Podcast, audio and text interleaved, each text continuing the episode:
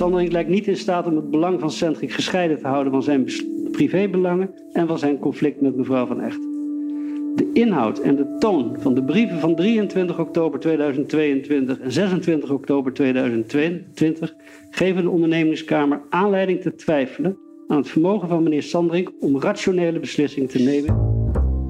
En of hij bovendien voldoende in staat is om leiding te geven aan een onderneming met de aard en de omvang van Sandring.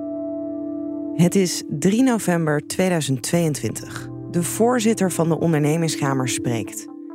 Dit is het moment dat Gerard Sandring de macht kwijtraakt over zijn IT-bedrijf Centric. Het kroonjuweel van zijn imperium. Het bedrijf dat hij met bloed, zweet en tranen heeft opgebouwd. En alles voor heeft gegeven.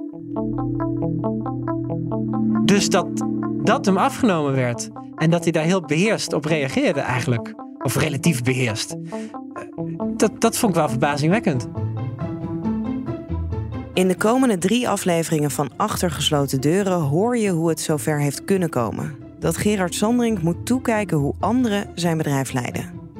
Waarom het Openbaar Ministerie geen andere optie meer zag dan ingrijpen. En over de vrouwen in zijn leven. De veten met zijn ex en over zelfverklaard cyber-expert Rian van Rijbroek. Ik ben Pauline Wuster en dit is aflevering 5.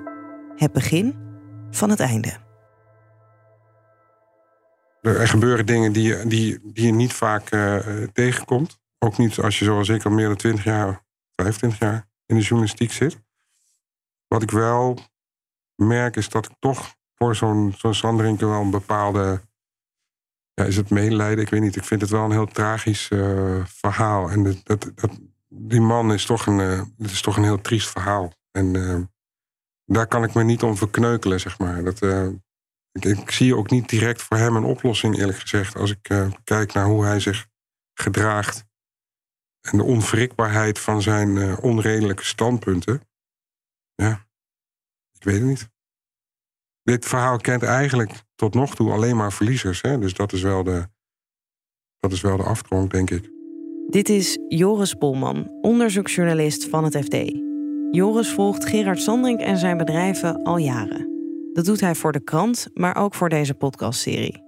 Mocht je de eerdere afleveringen hebben gemist of wel hebben geluisterd, maar je denkt: hoe zit het ook alweer?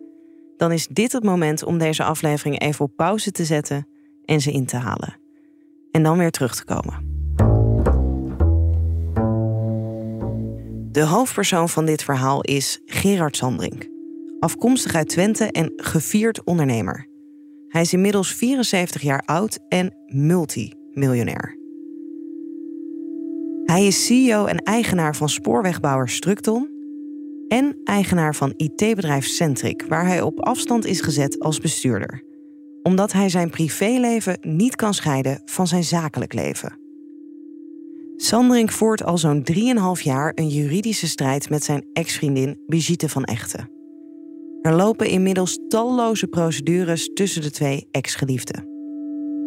Want Gerard Sandring lijkt er heilig van overtuigd dat Brigitte van Echten fraude heeft gepleegd. Uh, zij was directeur bij zijn zonnepanelenbedrijf Dirt Solar Systems. Uh, dat zij uh, ja, in, in die hoedanigheid gefraudeerd heeft. Uh, dat zij in uh, die hoedanigheid zonnepanelen heeft gestolen.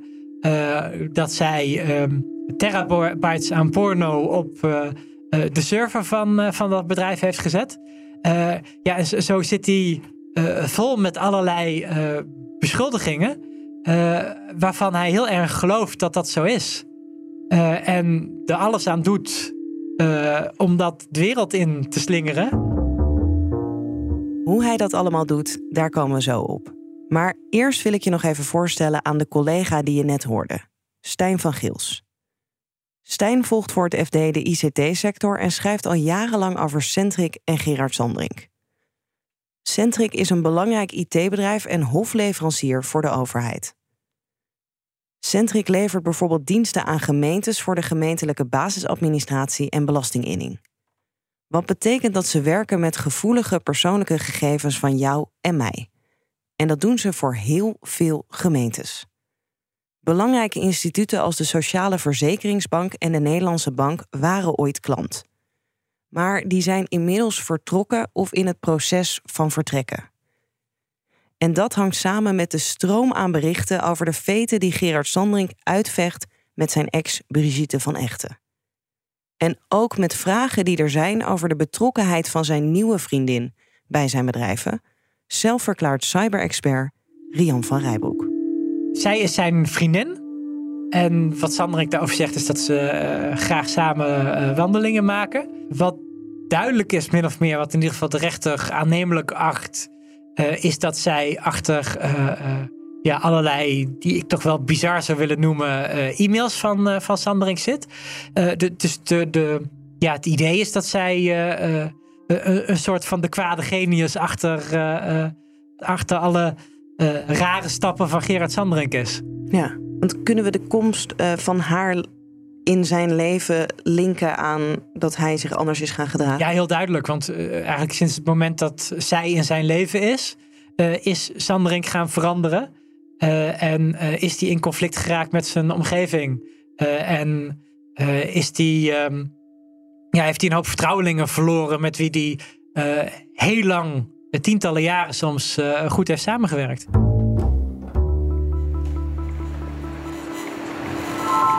zie rooien daarachter, toch? Ja. Godzijdank, want het ding is echt loodzwaar, man. Ja. Hallo. Hallo, goedemorgen. Wij komen uh, voor Paul Chan. Een afspraak met jullie. Oké. Okay.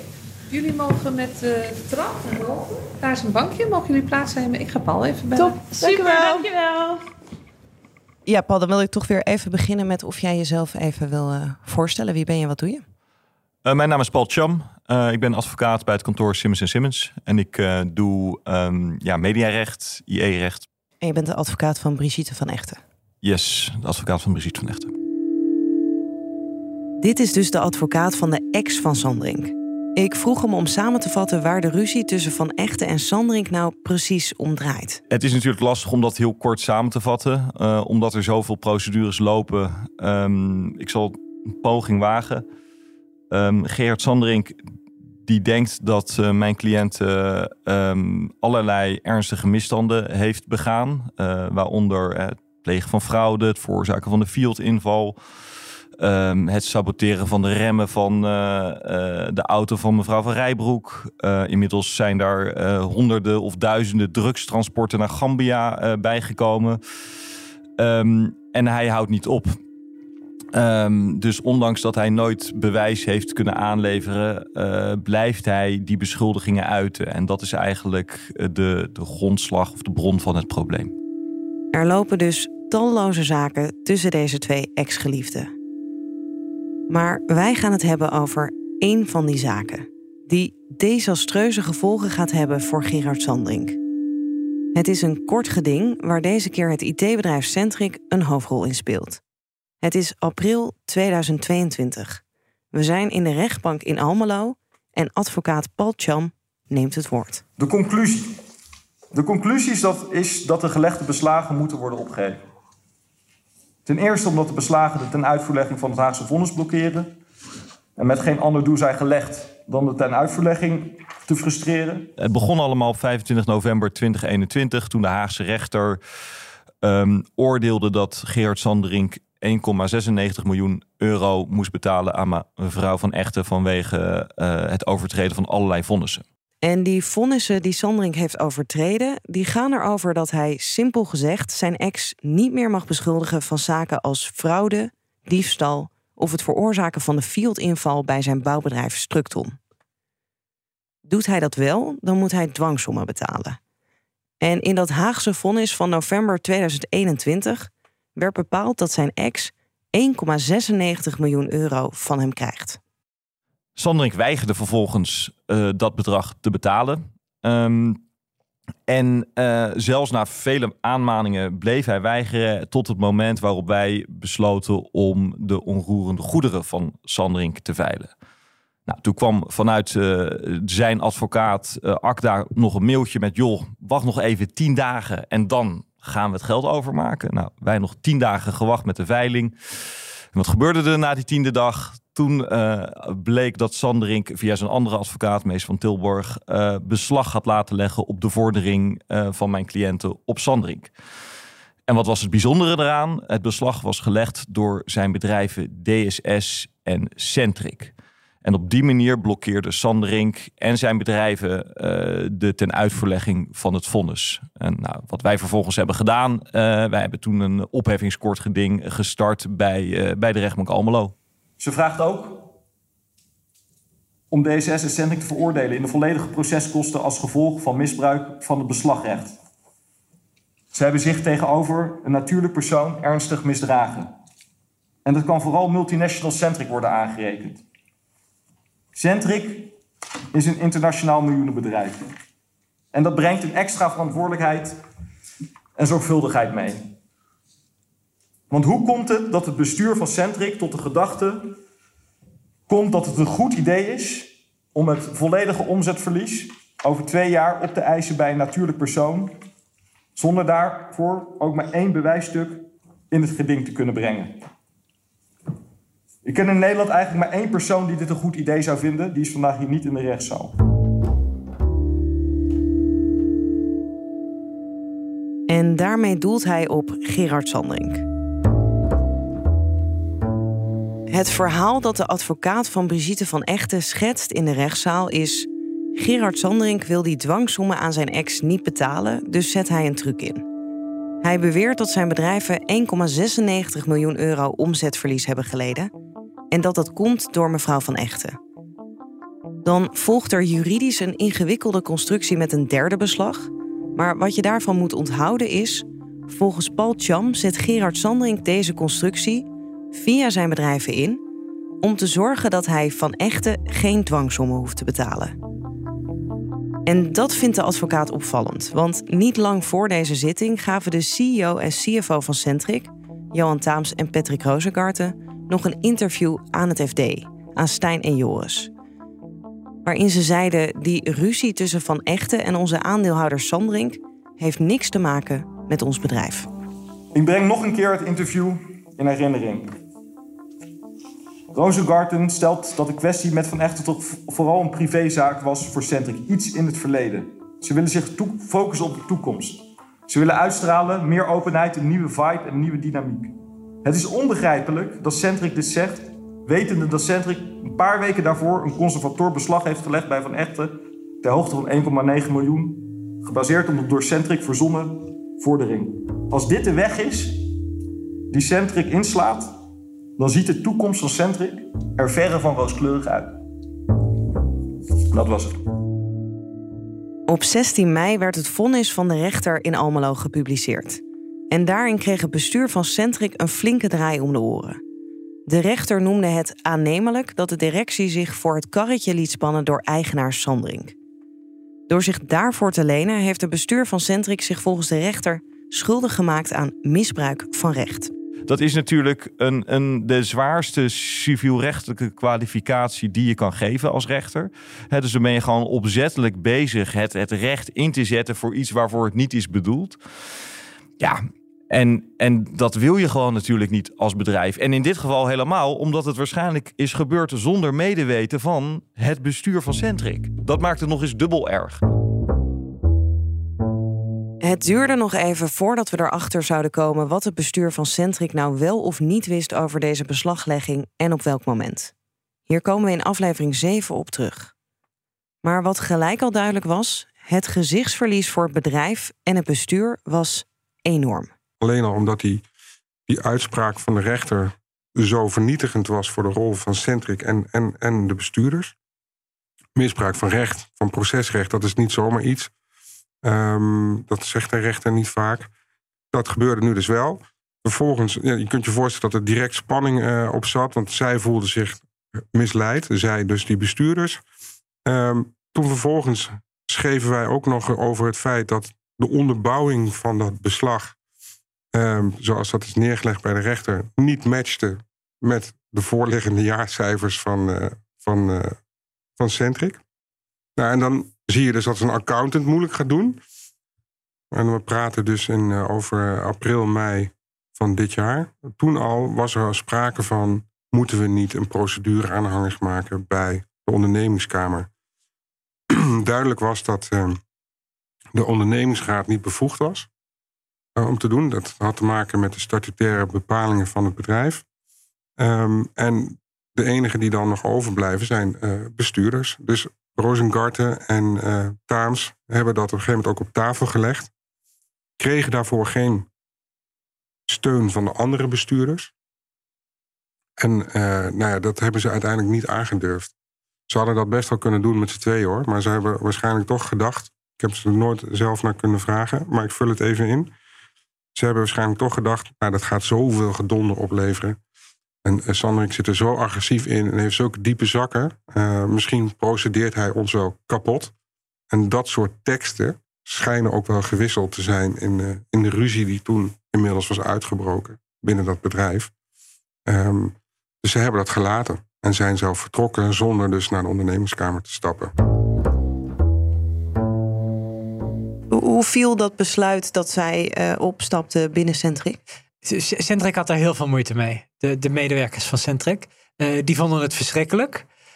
Juist omdat er heel er is echt ongelooflijk veel onrust geweest binnen Centric. Uh, uh, verschillende momenten is het bestuur opgestapt. in het verleden al. Ja, steeds gebeurden er rare dingen rond het bedrijf. Uitspraken van Gerard Sanderink, die dan ook een actieve rol speelde binnen, binnen het bedrijf, bijvoorbeeld. En ze hadden eindelijk een, een, bestuur waarmee ze het gewoon weer over de inhoud van hun vak hadden. Een bestuur wat ook redelijk los stond van, uh, van Gerard Sanderink, daar geen voorgeschiedenis bij had. En, en, een bestuur waar zij wel vertrouwen in hadden. En um, ja, da da daarmee had de werkvloer van Centric uh, eindelijk weer eens hoop. Uh, en, en, en zagen zij de toekomst weer zitten. En hadden ze een nieuw perspectief. Ja, en op het moment dat dat dan ineens wegvalt, dan, dan is het misschien nog wel extra zwaar. Centric moest dus op zoek naar iemand om het bedrijf te leiden in deze zware omstandigheden. Ze kwamen al vrij snel uit bij Peter Maus. Die was op dat moment niet uitvoerend bestuurder bij het IT-bedrijf. En dus ook een van de mensen die niet wilde dat het bestuur naar de ondernemingskamer zou stappen. En vervolgens kwam Maus dan in beeld als, uh, als opvolger van Taams, uh, als nieuwe CEO. Um, en dat werd ook niet gepruimd. Want ja, wie is die Maus dan precies? En is hij niet een vazal van Gerard Sanderink, hè, die op dat moment feitelijk alleen als aandeelhouder betrokken was bij het bedrijf, niet als bestuurder? Er volgt een roerige periode binnen Centric. De onrust onder de medewerkers is groot. Beoogd CEO Peter Maus besluit een Ask Me Anything sessie te houden via Teams, waar medewerkers hun zorgen kunnen uiten. Hij heeft verteld dat hij uh, uh, ja, dat hij CEO zou, uh, zou worden. en dat de, de koers van het bedrijf ongeveer hetzelfde blijft. en ja, dat hij de onrust onder medewerkers ook wel begreep. En dat zij daarom allerlei vragen konden stellen. De, de vragen lieten vooral zien dat, dat er niet heel veel. Um, vertrouwen is dat het de komende tijd goed gaat. Uh, uh, dus dat waren heel kritische vragen over uh, bijvoorbeeld de suggestie dat er maar één oplossing is en dat, dat Sandrik en Centric uit elkaar moeten. Bij Centric werken ook niet-Nederlands sprekenden, dus de sessie is in het Engels. Sandrink and Centric have to split up. That is the only solution to let Centric recover. dat is dus niet echt een vraag, maar ja, wel een vrij duidelijk statement dan iemand anders die zegt uh, uh, dat het gaat om de, de klanten en hun vertrouwen. It is not about the company. It is about the customers and their trust. And how are we going to keep their trust? Hoe ga je dat vertrouwen um, ja, behouden of terugkrijgen? And the same for people. Like Martine mentioned, employees are leaving because of these issues. And Centric can't find new ones. Er wordt ook gevraagd of uh, we hebben geschreven dat uh, de niet-uitvoerende bestuurders de gang naar de ondernemerskamer wilden, uh, uh, wilden blokkeren. Uh, of dat ons artikel correct is. Is the article in the FD correct? And if so, why did you block the way to the enterprise chamber in Dutch? De ondernemerskamer. Ja, er zijn er ook die gewoon precies willen weten uh, waarom uh, het bestuur is afgetreden. Dat zij een hoop horen, maar uh, ja, dat ze willen weten hoe het in ieder geval volgens die Peter Maus zegt. What is the main cause the executive board have resigned? You hear and read a lot, but what is the truth? Die vragen zijn volgens verschillende medewerkers die wij uh, anoniem gesproken hebben, uh, eigenlijk allemaal niet beantwoord. Uh, er werd voortdurend om de hete brei heen gedraaid. Het lukt Peter Maus niet om de onrust weg te nemen. Het gaat zelfs zo ver dat er door medewerkers druk wordt gezet op de ondernemingsraad om namens het personeel aangifte te doen tegen Gerard Sandring. Waarom die aangifte nooit is gekomen, dat weten we niet precies, want de OR wil op dat moment niet met ons praten. Nee, nee, nee. nee. Ja, sowieso zit er binnen Centric heel veel, uh, ja, toch ook wel angst. Uh, en, en dat is ook wel te begrijpen. Uh, we hebben bijvoorbeeld iemand die die dan off the record tegen ons gezegd heeft van ja, de, wie weet zijn wij de volgende Brigitte van Echter met wie we allerlei procedures hebben.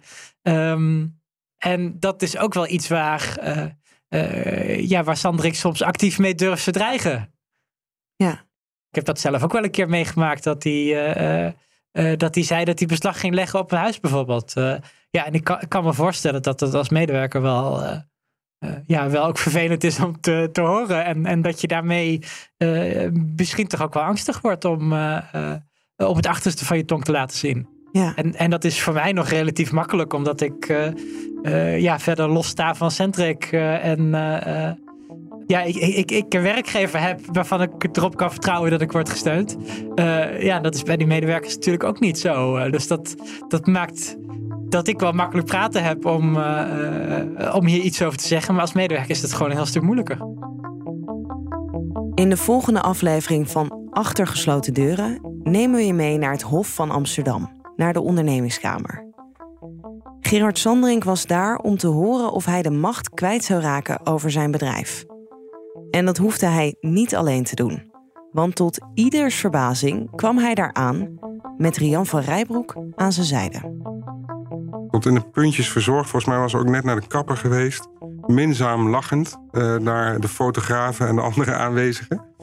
Ja, uiterlijk onaangedaan. Alsof ze naar een filmpremière ging in plaats van naar een um, fatale rechtszaak voor haar geliefde uh, Gerard Sandering. Die op dat moment alles dreigde kwijt te raken en dat uiteindelijk ook is overkomen.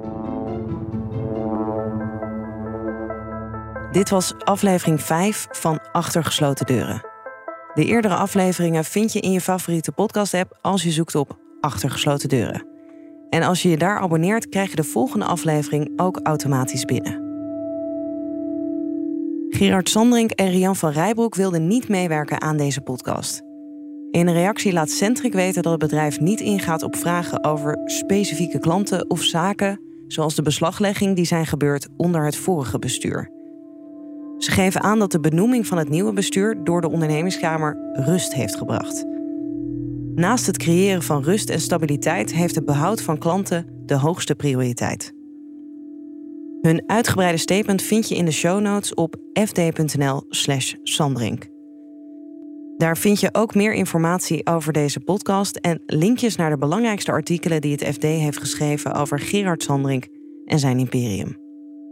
Redactie en productie van deze podcast door Paulien Suuster, Yilda Bijboer, Stijn van Gils en Joris Polman.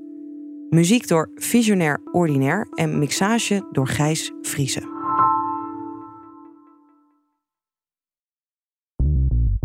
Bij BNR ben je altijd als eerste op de hoogte van het laatste nieuws. Luister dagelijks live via internet. Jelle Maasbach. Wesley Weert. We zijn er voor je met het leukste, opvallendste, maar natuurlijk ook het belangrijkste nieuws. Tijdens de presentatie van die halfjaarcijfers toen die beurskoers in elkaar kukkelde. BNR Beurs. Voor de slimme belegger. Blijf scherp en mis niets.